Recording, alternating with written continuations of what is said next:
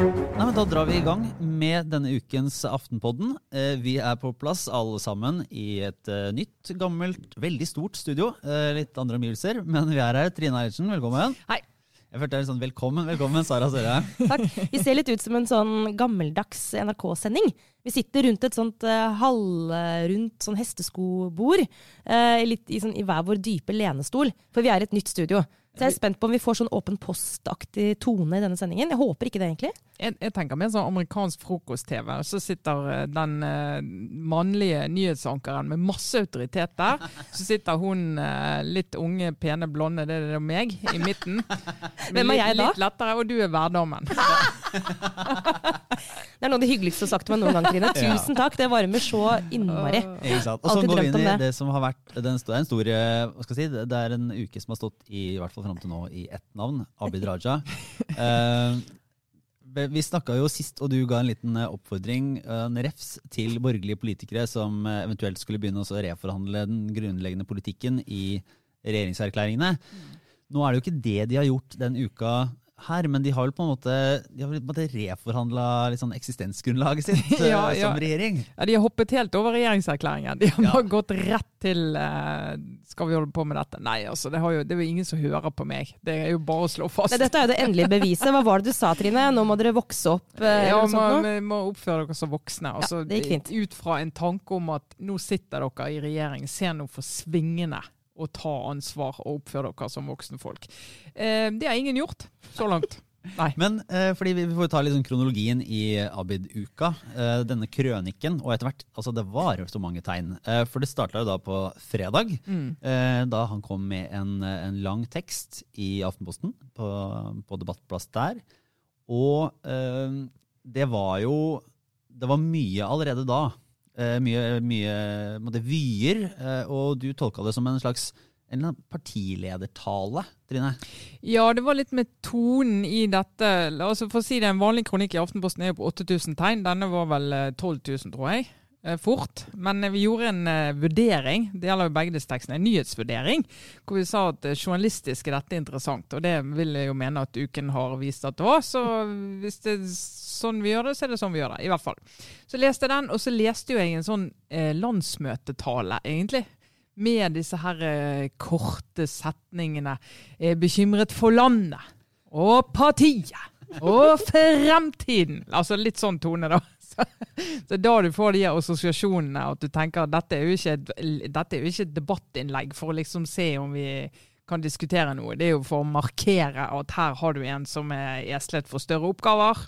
Altså en jobbsøknad, kalte jeg det, til partiledervervet i Venstre. Mm. Også, men det lå jo allerede der inne noen, eh, noen spark mot eh, Fremskrittspartiet.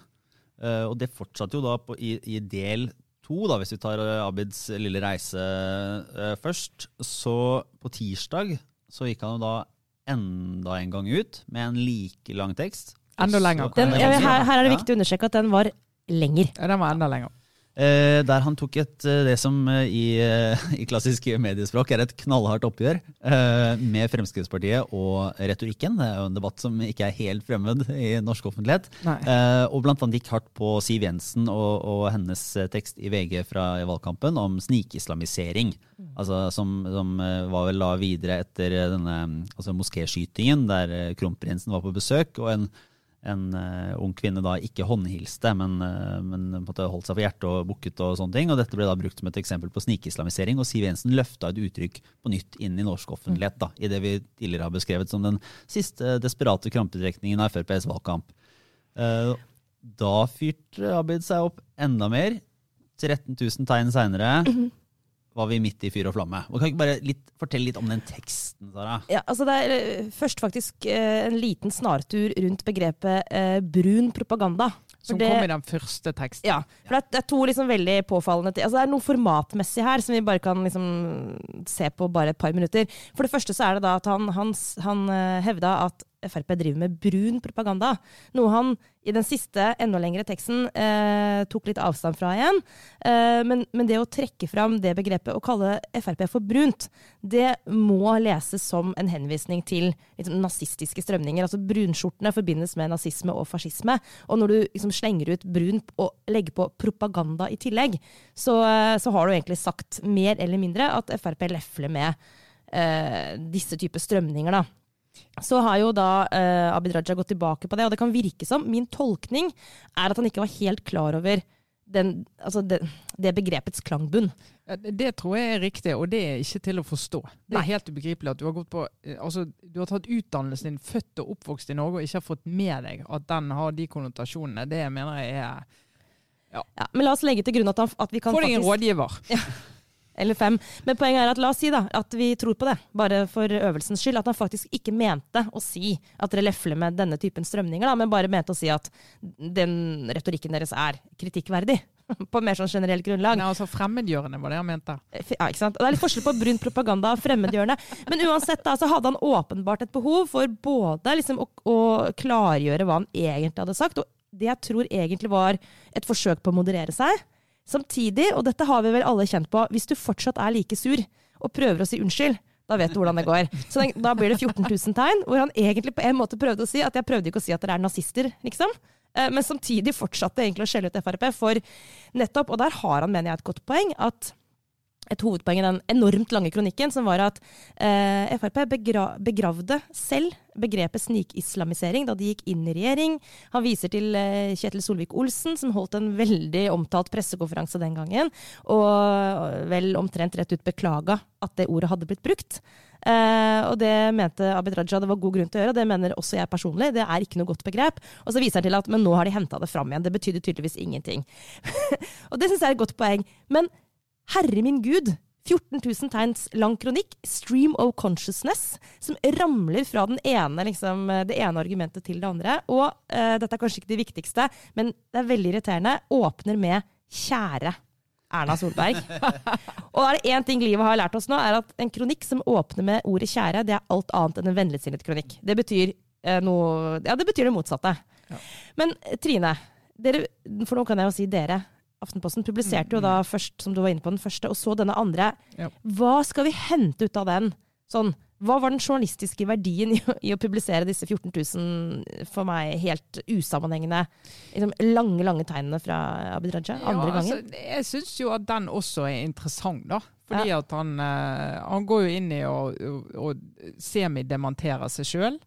Eh, det han viser frem, hvis vi, hvis, hvis, hvis vi, skal si og spekulere i at det, vi er på vei inn i en lederdebatt i Venstre, det kommer vi tilbake til, så viser han jo frem noen eh, egenskaper og karaktertrekk. Han viser jo at han er veldig lite eh, strategisk.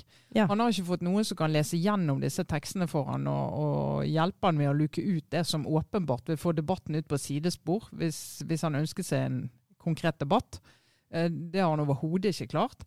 Og han blir sittende også, han får selvfølgelig sine 45 minutter med fame når han har verdens lengste pressekonferanse på Gardermoen når han kommer hjem fra eh, komitetur til Afrika. Men det er jo ikke sånn veldig sterk eh, jobbsøknad på den måten at du skal være strategisk, du skal lytte til råd fra folk rundt deg, og du skal tenke endgame. Altså Når mm. du setter i gang det som Abid Raja har satt i gang nå, så må du ha en tanke om hvor dette skal ende.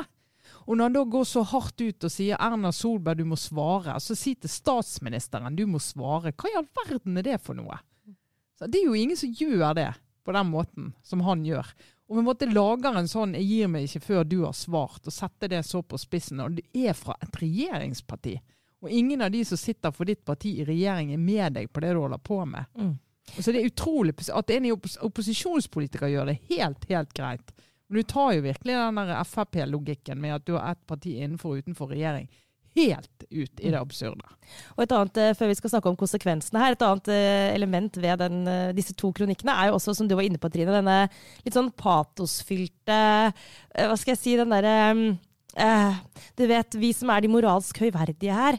Det, det er akkurat som at eh, både skriftlig og ikke minst muntlig akkurat som stemmen får en egen klang når du føler at du virkelig er på, på, på, på det gode side. Og jeg skal bare si at det er En ting som virkelig får meg til å bli irritert, er den der følelsen av du møter noen som, sånn, som bare er så høye på å være moralsk høyverdige Hvis du skjønner hva jeg mener. Og det kjente jeg også skinte litt gjennom i denne teksten. Særlig på et visst punkt.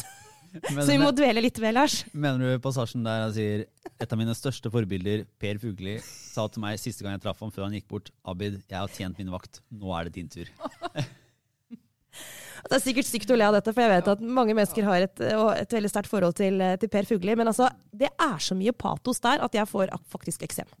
Men, er, men er det, det som jo gjør at det er eh, litt vanskelig, er at kritikken vil jo mange mene, mene er helt berettiget. Ja. Og så er det jo at eh, det ligger jo aldri egentlig til grunn at Abid Raja kan Altså, De sitter jo i regjering med Frp. At, Ja, sånn det, det- det Makten bak dette er ikke noe sted. For at de vil jo, så lenge de alltid vil bare føye seg til slutt, så blir det en sånn retorikkfight. da. Ja, altså det Eh. var, Da Venstre hadde samarbeidsavtale i regjeringen, bare, bare var, hadde samarbeidsavtale og ikke var inne i regjeringen, så snakket vi jo ganske ofte om dette. her, Hvordan Venstre og alle aset seg opp i partiet, i KrF også, hver gang det kom et eller annet eh, fra Frp som de ikke likte. Og så ble jo hele tiden spørsmålet ja, men hva vil dere gjøre med dette, vil dere bryte samarbeidsavtalen? Og det ville de jo aldri.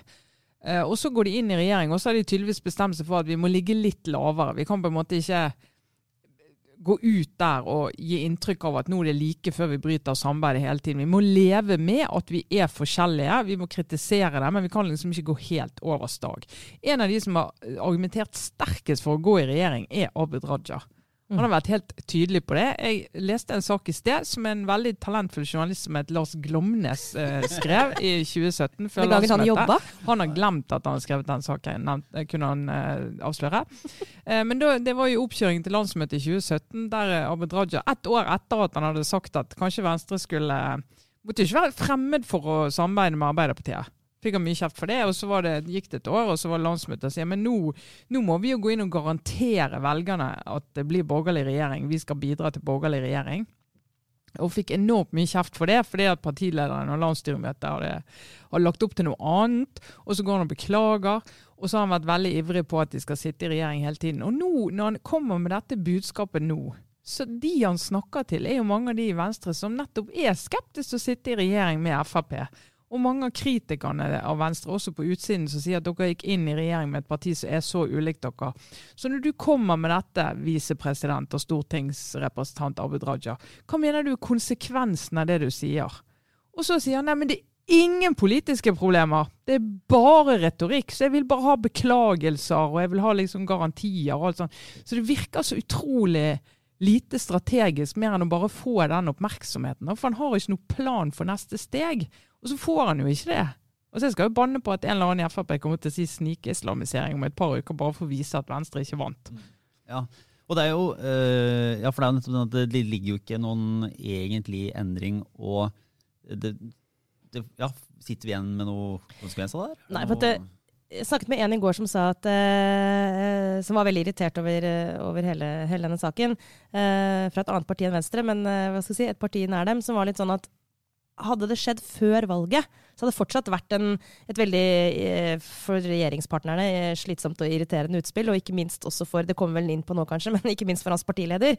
Men det hadde i hvert fall vært på en måte i en valgkamp eh, hvor du kunne ha i større grad forståelse for at en politiker kommer med denne typen ganske sånn emosjonelt betinga, men også, vil jeg si, som du var inne på, Lars, også veldig sånn berettiga kritikk. Da. Altså det, det, poengene hans syns jeg er kjempegode. Eh, så er det dessverre sånn at måten det gjøres på, får mye oppmerksomhet fordi det er så grunnleggende ustrategisk og på feil tidspunkt, men hadde i hvert fall kommet i valgkampen. Så det tror jeg har vært lettere for de rundt å akseptere det. Mm. Eh, men det er noe med timingen også. Vi har hatt altså en, en helt dritt valgkamp, unnskyld uttrykket, for, eh, egentlig for alle, eh, som mest handla om bompenger og regjeringskrise. Så har vi et valgresultat som er kjempedårlig for alle regjeringspartiene. Ingen vinner på å sitte i regjering. Eh, også dårlig for eh, det viktigste opposisjonspartiet, som i hvert fall ikke vil i regjering nå. Så det er jo helt tatt dårlig for alle. Men uansett, dårlig valg. Så kommer du ut på andre siden. Dårlig valg, dårlig stemning, oppoverbakke. Så er det sånn, gidder du å legge dette på toppen? Altså, det- og det, Ja, og, det, og det er jo det som er litt fascinerende. For en av de første store sakene da, som regjeringen hadde bestemt seg for å ta tak i etter valget De skulle til Bergen legge frem en av Venstres største saker. Havvindsatsingen. Erna Solberg var der skulle fortelle at nå går regjeringen inn og vi skal liksom sørge for at vi kan bli litt ledende på havvind. Venstres største sak. Tror du noen snakket om det? Nei, de snakket om en annen i Venstre som satt på flyet fra Afrika. sant?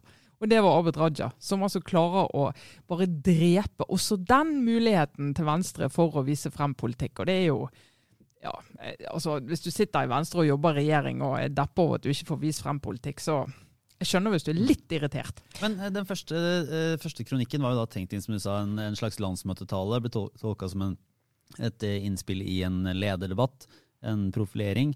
Etter denne uka, er eh, Abid Raja nærmere eller lenger unna å bli den neste Venstre-lederen? Det, det er helt an på hvem du snakker med, men både de som eh, støtter han, og det er mange særlig ute i distriktet, han har jo reist rundt og vakt begeistring og alt som er, eh, er jo helt overbevist om at dette har styrket ham, for nå har han sagt det alle tenkte på. og Greit nok har sleivet litt med de brune greiene, men ellers går det bra. Altså, det er jo helt parallelt til Frp. Altså, I dette landet bruker vi jo mer energi på å diskutere retorikken og diskutere velferdsstatens bærekraft, klima og alle andre temaer. Men, men så er det jo de som er skeptiske til han, sier jo at ja, ok, jeg håper ikke han blir leder, men vi kommer ikke unna at han er nødt til å få en sentral posisjon som nestleder, i hvert fall. Eh, og som en eh, også kunne ønske seg at ja, han får bli parlamentarisk leder. Det er, skal visstnok ikke være veldig ønsket fra hans side, da. Eh, for da er du sånn eh, halvparkert, men du har en viktig posisjon, så du kan på en måte ikke klage på at du ikke har fått tillit. Men du får jo ikke vært synlig. sant? Han som er parlamentarisk leder i dag, noen som jeg kan han heter? Mm, kan jeg gjette Terje Breivik? Det er det. Og han har jo ingen sett siden eh, partiet gikk i regjering, for han Mot hans eh, vilje. strever Mot hans vilje, ja. Mot hans vilje, sant? Og det er jo, det Er, jo... er parlamentarisk leder litt sånn Stortingets fylkesmannverv? Nei, de sitter jo og skal sørge for at eh, det er Jo, som jeg vet jo hva det er, men altså Ja. sånn, er det i sånn type hvis du skal gi noen en jobb, men egentlig ikke har en jobb til dem, og, altså, er, det, er, det, er det sånn parkeringsplass? Nei, egentlig, nei, egentlig ikke. Altså, egentlig ikke. Det er en veldig viktig ja, jobb. I Senterpartiet for eksempel, så er jo Marit Arnstad parlamentarisk leder. Ja, hun er jo en eh, Og, ja. og, og driver dette og holder styr, og det er veldig mye jobb, da. Men det hjelper jo å ha en gruppe å være kanskje- leder for, da. Ja, så har du kanskje mindre tid til å, Altså, til å du har ikke tid til å reise, sant? og det er jo litt sånn for, for små partier i regjering så er det alltid en utfordring. fordi at da går hele liksom, det sentrale partiapparatet blir slukt opp i regjering, og det er ingen som har den muligheten til å reise rundt og sørge for at lokallagene er fornøyde og hører på de og komme tilbake med innspill og sånn. Og det har jo Venstre lidd veldig under. Så når han først begynner å reise, så slår jo det an der ute. Det er, jo et, eh, det er jo et slags paradoks at Abid Raja har bygd seg opp veldig stor støtte i Venstre rundt om i landet. Som en som skaper liv, er med, er veldig omgjengelig, hyggelig, eh, kvikk og sånne ting. Men som, eh, som hørte en analyse, mange av de som støtter ham der ute i landet, vil jo ut av regjering. Mm. Og han har jo vært, nettopp, han har vært på, så pådriver for å komme inn i regjering at han uh, vil samarbeide med, med mange ulike opp igjennom. Mm. Så det er litt sånn her, hvis hans mål er å, å komme inn i regjering og drive støtte sånn, og, og styre ting, sånn som han tidligere har uttrykt, så er det en litt vanskelig strategi hvis hans base i partiet er de som egentlig har lyst til å ta partiet ut. Mm. Men den store X-faktoren her er jo, og det vet ikke vi, hva som er den bakenforliggende årsaken. Men det er klart, skal du se det som kritikk, en kritikk av regjeringsprosjektet, eller skal du se det som en kritikk av partilederen? Eh, Og det er to litt forskjellige ting tror jeg, i denne sammenhengen. Hvis det er det siste, hvis det er en kritikk av Trine Skei Grande og et forsøk på å ta opp eh, altså en slags sånn gå inn i en lederstrid, så er det klart at den støtten som Raja har ute i, eh, i distriktene det er Mange ordførere eksempel, som helt tydelig også nå siste dagene har uttrykt at de, at de setter pris på hans engasjement og støtter han i kritikken av Frp. Der har han jo nå åpenbart en base. Men det leser jeg mer som en som på en måte et, en ja, eh, Om ikke en åpen, så i hvert fall en indirekte eh, lederstrid, da. Men det er klart at det, med regjeringsprosjektet går på tvers av det. Så, så det er en veldig kaotisk Til venstre å være en helt normal situasjon. For alle andre en helt ekstremt kaotisk rotete situasjon. Selv om eh, Raja sier at nei, han er ikke lederkandidat, han støtter Trine Skei Grande. Hun har sagt at hun skal fortsette som leder, og det er helt greit for han. Så for hans del, i og med at han gjør det akkurat nå, når han gjør det, og som du sier, ikke før valget, men han gjør det nå, når liksom alt endelig har roet seg, og så kommer han med dette. Og vi vet at valgkomiteen i Venstre er i arbeid, med tanke på landsmøtet til våren. da. Så alle leser det jo som at han har kastet seg inn i det, og det må han ha tenkt på. Igjen, Hvis ikke han har tenkt på det, så er han så ustrategisk at det, det tåler ikke dagens lys. Men han har vel, eh, han har vel ikke gjort seg mer populært så skal jeg si, sentralt i eh, regjeringsapparatet og blant mange også i Venstre. For der har man gått og ergra seg og ikke, det ser ikke for seg en framtid der Abid Raja er leder i partiet Venstre. Nei, men det gjør Karl Erik Grimstad, stortingsrepresentant fra Vestfold, som har klart å si at eh, Abid Raja er den komplette strateg. Som òg er interessant. Ja. Men eh, for Fremskrittspartiet, da, som har havna inn i dette og, og, gått inn med både liv og lyst, eh, Jon Elgheim eh, kom jo, han sa på et tidspunkt at dette var det, dette var det mest polariserende i norsk liksom, offentlig debatt siden andre verdenskrig. Det var svaret sånn herre Ja, nei, bare kjør på noe med helt syke utspill. Bare bring it on. Altså, bare det har, altså, siden 1945, liksom. Så var det Og så har du glemt at en uh, Frp-statsråd gikk av i fjor. Ja. For et lett polariserende utspill på Facebook. men, uh, men, det er nå så. Men det var tydelig, det som var veldig tydelig å merke, da, og det var jo interessant, det var jo den her brun akkurat det ordet der. Det utløste jo følelser i Frp som jeg tenker at de må kjenne seg igjen i. Når de husker bl.a. den debatten rundt eh, Listhaugs eh, Facebook-innlegg. Fordi at de blir tillagt holdninger og politiske syn og alt som, som, de opplever at de ikke har, og som de ikke har. Altså, I det ligger jo en nazistiske assosiasjoner. Men hvordan kan du si noe sånt? Akkurat som når du sier til Arbeiderpartiet at ja, dere er egentlig mer glad i terrorister enn i sikkerheten til norske borgere. Mm. Så er det klart at du blir så opprørt, for det går på hele sånn Tror du ikke at jeg mener det jeg sier, at jeg jobber for nasjonens interesser for velgerne? Altså, det er helt grunnleggende. Og aggresjonen og følelsene rundt det er jo akkurat like sterke i alle leirer når det blir utsatt for det. Mm. Men desto mer fascinerende at man da ikke klarer å se at ja, kanskje vi alle skulle tenkt litt på ordene vi bruker, eh, både for tre uker siden og i helgen, og tenke at sånn har folk det når de får uh, slengt sånne ord i, i fjeset. da. Men det er jo, ja. det er jo et paradoks i Jeg, bare, jeg vet ikke helt hva jeg har ikke helt klart å tenke den tanken som fullstendig ferdig, men at du ser nesten alle sånne debatter der noen kommer med eh, egentlig sånne rasismeanklager. da. Mm. Det ender jo med at det er jo, sånn, det er jo da sånn innvandrerpolitikeren som liksom står til veggs og er liksom skurken i dette narrativet fordi han har vært, øh, vært valgt dumme ord eller alle ting. Men det virker som at de som tar, det å ta opp anklager om rasisme i Norge er ekstremt vanskelig, og du møter jo liksom bredt. Mm. Eh, så det er i hvert fall lett å se det som at du får en sånn hand i trynet fra, fra, hele Norge på bare sånn Oi, oi, oi, oi, oi. Mm. dette får du ikke lov til å anklage noen for. Uh, og så feiger jo på en måte Abid Raja også litt sånn ut, da, for han, uh, han går jo nesten helt tilbake og sånn Nei, det var bare det ordet. Det var bare det som, som om hele hans grunnleggende analyse av bruken av snikislamisering uh, på en måte mulig bevisst eller ubevisst eh, oppnøring under strømninger i samfunnet som, som, vi nå er redde for, at det på en måte at den sammenheng ikke finnes der likevel. da, mm. Går kjempehøyt på banen og trekker noen linjer. Og så går det tre dager, og så bare sånn Nei, nei, nei, jeg skulle nok valgt noen andre ord. Det er dumt. Det er jeg som er dum her. Men han skulle jo valgt noen andre ord. Mm. Han skulle, skal jo ikke bruke ordet brun hvis det er rasisme du er opptatt av, og ikke nazisme. Altså for det er jo nettopp det at Da skjærer jo det du har ønsket var hovedbudskapet ditt, det blir ødelagt av at du sleiver med ordbruken. Og Det er jo en, sånn, det er jo en klassiker. sant? Og han gjør det veldig lett for, uh, for, motstanderne sine ved å gjøre det. For da kan de bare si nei, det ordet der, og så blir det en diskusjon om han har lest historien eller ikke. Og så, ja, så river du ned hele det byggverket du har prøvd å reise. En parallell ikke sant, er jo f.eks. Eh, VG sin feil i dekningen av uh, Trond Giske på Bar Vulkan. Den ene saken ser jeg nå brukes som et eksempel på at mediene generelt gjorde masse feil i dekningen av metoo. Å ta et annet eksempel. da. Mm. Liksom, Én feil er dessverre nok til å liksom, ødelegge for liksom, et, dette i Rajas tilfelle et helt resonnement som langt på vei er godt. Um, det er veldig synd. Det burde han som profesjonell politiker ha forstått. Han burde, ha, burde ikke ha brukt det ordet. Helt enig, Trine. Men det er klart at det som er problematisk her, og da har jeg lyst til å sende et lite nikk til en lytter, Lars, som vi møtte i Arendal under Arendalsuka. Vi har vært litt inne på det i tidligere sendinger, og skal ikke bruke altfor mye tid på det nå.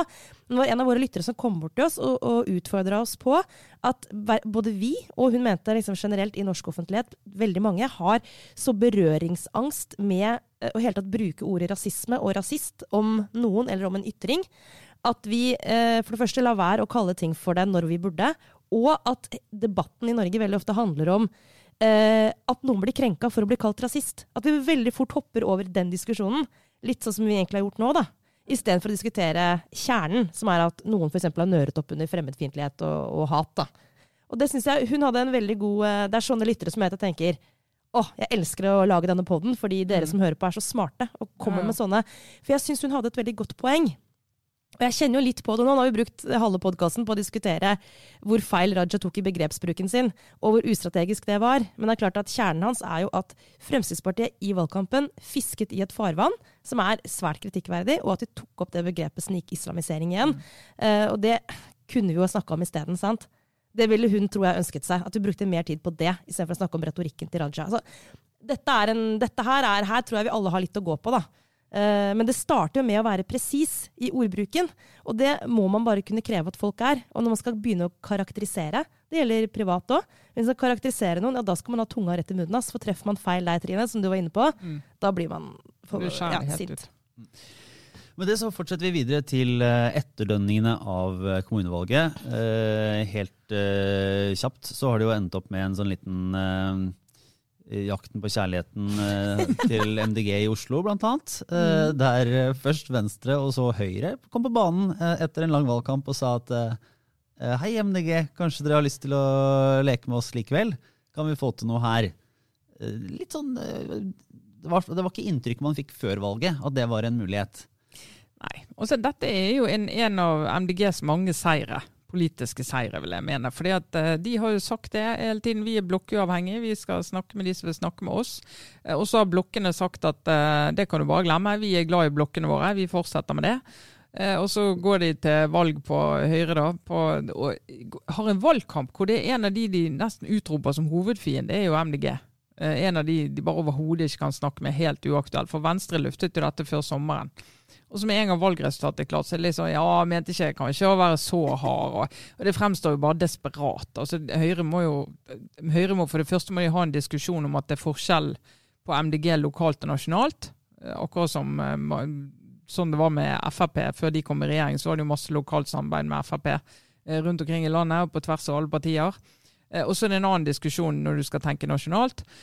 Og Høyre har jo vært helt sånn Nei, vi kan ikke ha MDG i det hele tatt.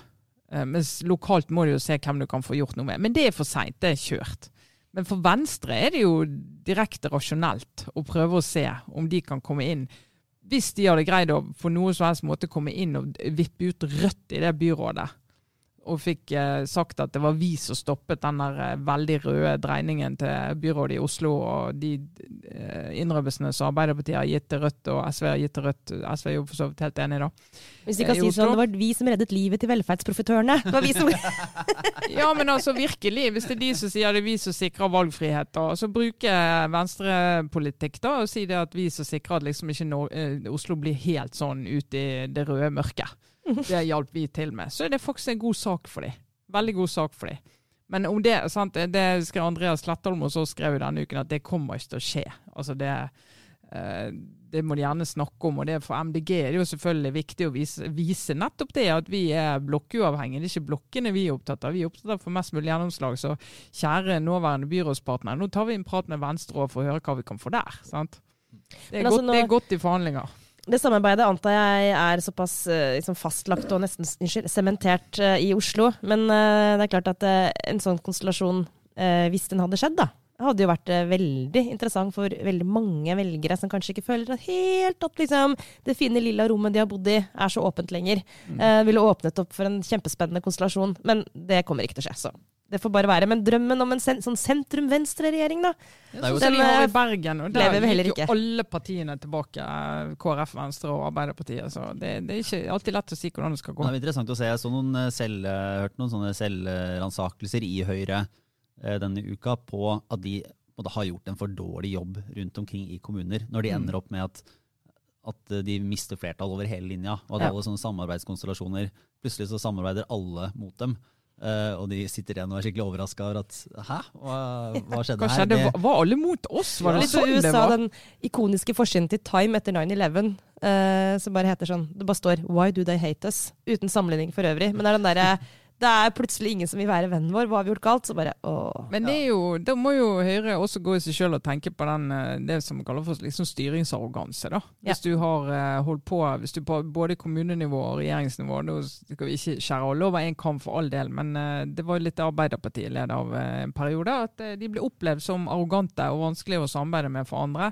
Og det ble et poeng i seg sjøl bare å få de ut. Og når du kom dit, da må du ta en liten runde hjemme. Så er det veldig spennende å se for Arbeiderpartiet, så kan jo disse nye eh, posisjonene måte, Ved at de er svekka, så er det lettere for andre partier å samarbeide med dem. Men suksess framover forutsetter jo at de klarer å, å vokse sjøl. Og det er jo, nå har de jo fått en bonus ved å være i posisjon veldig veldig mange kommuner eh, i samarbeid, og ofte litt sånn brede og store samarbeid, som eh, enten kan ha en kjempestor oppside ved at de får en sånn styringseffekt og går inn i neste valg med makt mange steder. Eller så kan det være en ytterligere pulverisering, der de er, egentlig er for svake til å styre med Arbeiderpartipolitikk i de kommunene de er i posisjon i. Og dermed blir det enda vanskeligere neste runde. Mye som i de Oslo. Mm. I Oslo Ja. var det jo bare MDG som var det de små samarbeidspartnerne til byrådet, altså til Arbeiderpartiet, som SV og MDG som vokste. Arbeiderpartiet bare tapte. Det var- er mye som henger på forhandlingene som eh, de går inn i. F.eks. Oslo starter forhandlingene for alvor neste uke. Det er klart at det, det kommer til å stå om politiske seire eh, for Arbeiderpartiet. Det kommer til å bli utrolig viktig å kunne vise til at de har fått gjennomslag for sin politikk i disse årene fram til 2021 i Oslo. Og hvis de, hvis de nå ikke lykkes i forhandlingene, så er jo den pulveriseringstanken med ett mye nærmere, da. Og så kjenner jeg Arbeiderpartiet rett, så har de noen triks på, på hånda når det kommer til forhandlinger. Men de er jo liksom opp mot eh, noen partier med vanvittig medvind og masse selvtillit. Så det kan bli veldig spennende. Jeg håper det lekker ut eh, neste uke masse juice fra de forhandlingene i Oslo. Det kan Ja, bli gøy for oss. Så Arbeiderpartiet finner ut at ja, det vi skal vinne, da, det er skolemat til alle. Som bare ingen velgere har bedt om, og ingen gadd å stemme på dem for. Så lykke til. Ja, vi, se. vi skal snart ha litt uh, obligatorisk eh, refleksjon inn i helgen, men vi må jo, hva skal jeg si, eh, plutselig så kommer det noen saker som, som, som for det Ja. første slår gjennom lydmuren litt i seg selv, av, av ulike årsaker, og som løfter opp et uh, sakskompleks som nesten var litt glemt. For hele denne Tor Mikkel Wara, eh, Laila Anita Bertheussen-saken, eh, Ways of Seeing og, og truslene som, som kom, uh, hadde på en måte hadde nesten om ikke glemt at den var i norsk offentlighet. For nå har det liksom, vi går og venter på en beslutning, Tiltale. en eventuell tiltalebeslutning fra, fra politiet eller fra påtalemyndigheten. Men jeg hadde liksom glemt litt hvor spektakulær den er. Eh, og så kom det jo da en ny sak fra, fra uavhengige nettstedet Filter Nyheter på, på onsdag kveld, som går tilbake i Bertheussens eh, livshistorie og løfter fram eh, dommer fra 80-tallet, faktisk. Var det svindel, bedrageri, Ja, altså, bedrageri ja. Eh, ting som, som plutselig kommer opp og er, eh, gir en ytterligere sånn spektakulær dimensjon, da, må man si. Men det er jo ingen tradisjon egentlig i norske medier for å omtale tidligere eh, dommer når man går inn i sånne saker. Ja, disse dommene her eh, som, som det refereres, refereres til eh, hos eh, Filter, er jo fra, altså den siste er fra 1989. Det er siste halvdel av 80-tallet, og da kan noen regne at det er hva er det, 30? 30, 30 år siden, akkurat, faktisk. Eh, og da, da er det sånn at eh, når du har sonet en dom, så er du ferdig med saken. Og i presseetikken også så, så, så ligger det der at eh, en ferdig sonet dom er ferdig, og du skal ikke trekke opp det i alle sammenhenger. Den personen som, eh, som da skal gå videre i livet, skal få lov til å gjøre det. Eh, så hvis du skal trekke fram så gamle dommer for noe som tross alt eh, har en ganske kort eh, strafferamme. Da. Det er jo ikke veldig alvorlig kriminalitet. Det er vinningskriminalitet og, og eh, svindel og bedrageri på et ganske lavt nivå. Det er snakk om små summer. Men, eh, men hvis du skal trekke det frem, så må det være fordi det er relevant for en sak eh, som har nyhetens interesse i dag. Da. Og da, Trine, er jo liksom diskusjonen rundt dette er jo litt sånn, sånn ja, er dette relevant å trekke frem nå? Mm. Eh, Og så er det litt forskjellige vurderinger på det rundt omkring. Men eh, jeg vil jo si at det, det har en viss relevans for den pågående etterforskningen av, eh, av, av hele dette, dette sakskomplekset. Altså det, det er en helt spesiell uh, sak fordi at landets justisminister er involvert. Hadde dette vært en uh, husmor på vinneren, så hadde jo, vi hadde ikke visst navnet, vi hadde ikke visst noen detaljer om uh, denne fasen av politiarbeidet, altså ingenting. Eh, vi har ikke vært interessert i det heller. Men pga. Uh, koblingen til justisministeren, og fordi at altså, justisministeren måtte gå av Eh, og I tillegg så eh, mener jo Elden på vegne av sin klient, altså Jon Christian Elden, advokaten hennes, at eh, det har ikke skjedd. Hun har ikke gjort det hun kanskje ble tiltalt for, det vet vi ikke, vi ikke det er ikke kommet til en tiltale ennå. Eh, men det som hun ble siktet for, i hvert fall, da, for å ha eh, fingert eh, disse angrepene sjøl, så er det en, en såpass altså, Hvis vi bruker denne, det begrepet vi kaller for offentlighetens altså berettigede krav om informasjon, da, så er vi på det nivået nå. Og det er et unntak. Det er et spektakulært unntak fra hovedregelen. Og det er jo også eh, helt åpenbare paralleller eh, i de sakene. Altså det det som ligger i dommene, det handler ikke om helt, helt forskjellige ting. Altså det, er, det, er, noen paralleller mellom det hun er blitt dømt for tidligere, og det hun er siktet for å ha gjort nå. Uh, og Derfor er det også liksom, uh, relevant å trekke det frem. Uh, og så skal hun også rett på å bli beskytta for å bli altfor utlevert. Dommer er jo interessante tekststykker. Altså. Det er alltid veldig sånn, spennende å lese en dom. og det inneholder jo også, og jeg ser at det er lenge siden jeg har lest en av de dommene som er det relevant her, da. dommerne skriver jo ofte litt forskjellig. Og de kan jo også ofte nesten tenke litt høyt når de måte, skriver selve dommen. Uh, og, og, da syns jeg det er fair at uh, mennesker skal slippe å bli presentert for ting som en dommer skrev for 30 år siden om, om dem og deres liv. og de kan gå ganske langt i å spekulere i bakgrunnen for hvorfor de har gjort som de har gjort osv. Det syns jeg er riktig å si at det får lov til å være Uh, det, for, det, det, er ikke vår jobb i pressen å viderebringe detaljer rundt det. Men at vedkommende, er, i dette tilfellet uh, Laila Anita Bertheussen, er domfelt for disse forbrytelsene, mener jeg har nyhetens interesse i, i, kraft av at denne saken kommer. Og etter hva vi har grunn til å tro, så er jo en eventuell tiltale, tiltale eh, veldig nær. I hvert fall en beslutning om det blir det eller ikke. Og la oss si at det blir en tiltale, da.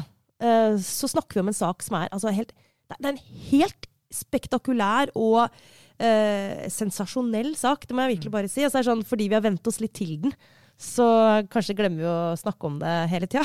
Men den er altså så drøy. Hvis, må legge til hvis, da. Det blir en tiltale. Så får vi se. Mm. Vi fortsetter inn i litt obligatorisk refleksjon før vi tar helg og, og innspurt. Uh, vil du begynne der, Trine? Ja, jeg skal reklamere. Ja. Det skal jeg. Jeg skal reklamere selv, for eller? Eh, Nei, altså ikke meg personlig, men uh, det blir noe Jeg skal nå reklamere for nyhetsbrevet likevel, da. For det er Aftenposten eh, politikk, politikk meninger. Ja. Uh, vi har uh, Eller jeg lager et nyhetsbrev for oss. Og det er jeg begynt å sende ut rett før valget. Og jeg vil gjerne at flere skal abonnere på det. og da får det, Du må være abonnent i Aftenposten for å få det.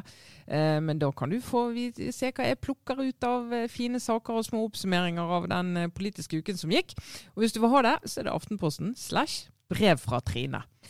I ett ord. Ja. Ikke hyggelig? Jo. Veldig hyggelig. Det var ikke jeg som fant på det, men jeg syns det var koselig. Brev fra Trine? Jeg noterer meg her nå. Ja, det må du gjøre. Jeg tror ikke jeg får det nyhetsbrevet. Trine. Nei, du må melde det på. Du, må jeg melde meg på? Du kan ikke sende det til deg, du må jo melde det på, Sara. Trine sender ut til sine nærmeste med, med sånn frimerke. Det er så dyr porto nå, Sara. jeg skal vurdere å gjøre det, faktisk. Jeg syns du har innimellom slumper til å ha noen interessante analyser. Ja, nei, skal, jeg, skal gjøre det blir sånn gammel, forbitret uh, pressemann som ikke har blitt nedmanna og sitter et eller annet sted. Jeg skal lage mitt eget sånn lille nyhetsbrev som jeg sender ut til folk jeg kjenner. Litt sånn som Pål Steigan. Ja. Men vi må jo, når vi er inne på nyhetsbrev, så må vi jo også uh, si at vi la merke til at uh, en del av våre lyttere som deltok i brukerundersøkelsen, de vil gjerne ha et nyhetsbrev der vi sender ut ting vi har snakket om lenker til det og sånn. Og det kan vi si at vi jobber med det å se om vi kan få til det om ikke altfor lenge. Ikke sant. Mm. Eh, jeg kan egentlig bare fortsette med en anbefaling. Som jeg har, eh, for jeg har rast meg gjennom en eh, podkast denne uka som heter så mye som White Lies, altså hvite løgner, fra NPR i USA. Som er en fascinerende historie fra Alabama. Som jeg vet ikke om dere har sett den filmen Selma? Nei. Nei. Altså, det er da en eh, borgerrettighetskampsfilm. Kom for kanskje fem år siden. Jeg liker at du fortsatt tror at jeg og Trine er oppdatert på diverse populærkultur. Ja. At, du, at, du, spør, Lars. Takk for at du spør. Svaret er nei. eh, som dreier seg da om, om helt sånn sentrale elementer på, på midten av 60-tallet. Da, da, det var borgerrettighetskamp i, i sørstatene og, og, i hele USA. Eh, og som starter med altså, mordet på en, en hvit borgerrettighets... F.eks. for eksempel, en prest som fløy ned fra Boston for å delta i den lille byen Selma, som var ekstremt segregert og med, med voldsomme eh, spenninger. Og så har jo da to journalister fulgt denne saken og gått opp egentlig hva som faktisk skjedde i 1965. Og over flere år så har de vært i kontakt med miljøet rundt der og prøver å gå opp og kommer eh, jeg vet ikke, ja, De sier veldig tidlig at de finner jo ut hva som faktisk skjedde. Og, for det var ingen som var dømt for dette her. Og den er, altså, det er en spennende historie i seg selv. Og så er det et ordentlig interessant bilde på hvor tett opp til uh, nåtiden den derre ekstreme uh, rasismen og rasdelte sørstatene hvor, hvor, tett på det er. da. Det, er, det, er liksom der, det er eh, voksne, vanlige mennesker nå som vokste opp i det, og besteforeldre og oldeforeldregenerasjonen sto midt i det kaoset. Og det er eh, veldig, veldig brutalt og fælt, men også ganske sånn eh, fin gjennomgang og god historiefortelling. Så den eh, White Lies, det er vel bare en syv episoder. Hvem er det som har laget den? Altså NPR, The National Public Radio, som, eh, Da skal jeg som høre på har ut. Det er så viktig det er å dokumentere den historien. Eh, For Ja. det føles allerede som at altså, Kan det ha skjedd, da? Men ja, det skjedde, og de historiene må fortelles nå, fordi om to generasjoner så er de borte. Og så ser man at uh, siden ingen da faktisk ble dømt, så har det jo vokst opp sånne konspirasjonsteorier rundt det. da, Nettopp. Som forklarer og spiller ned alt det som eh, skjedde, og, og egentlig har snudd hele historia på huet. Så det, jo, det forteller jo litt også om verdien av å både dokumentere det veldig grundig når, sånn- når ting skjer, og være konkret og sette ord på det, og gå tilbake og rydde opp i sånne historier som, som har blitt myter Mm. i lokalsamfunnet. Så den kan anbefales. Og du, Sara? Du, jeg skal følge opp litt i samme sånn historien om. eh, terreng, eh, men, men en helt annen historie. Dette er også en podkast. The Daily, New York Times The Daily, er jo når den er bra, så er det altså en så bra podkast. Når den er dårlig, er, er den eh, litt irriterende. Han Michael By Barbaro kan jo man eh, Men uansett, det er ikke poenget nå. Poenget er at nå har de to episoder ute som er, jeg synes er kjempespennende. Eh, handler om eh, metoo-dekningen høsten 2017. Eh, og nå er vi over i den fasen hvor vi liksom får litt historien om hva som egentlig skjedde. Uh, da uh, særlig New York Times og New Yorker på, fra hver sin kant bestemte seg for å en gang for alle forsøke å fortelle historien om Harvey Weinstein og disse påståtte overgrepene, som det jo har svirra rykter om i, i årevis. Da er det to, um, to journalister i New York Times, Jodie Cantor og Megan nå fikk jeg ordene navnene riktig her òg, som har kommet med en bok eh, nå, eh, hvor de forteller om sitt arbeid med Weinstein-saken. Og det er eh, rett og slett for journalister utrolig spennende, for du får innblikk i, i som, metodikken og det gravearbeidet. Eh, men i The Daily nå så fokuserer de på en liten del av denne boka som handler om hvordan de oppdaget hvilke krefter som jobba for Harvey Weinstein, eh, og som prøvde å systematisk motarbeide eh, journalistenes forsøk på å avdekke dette.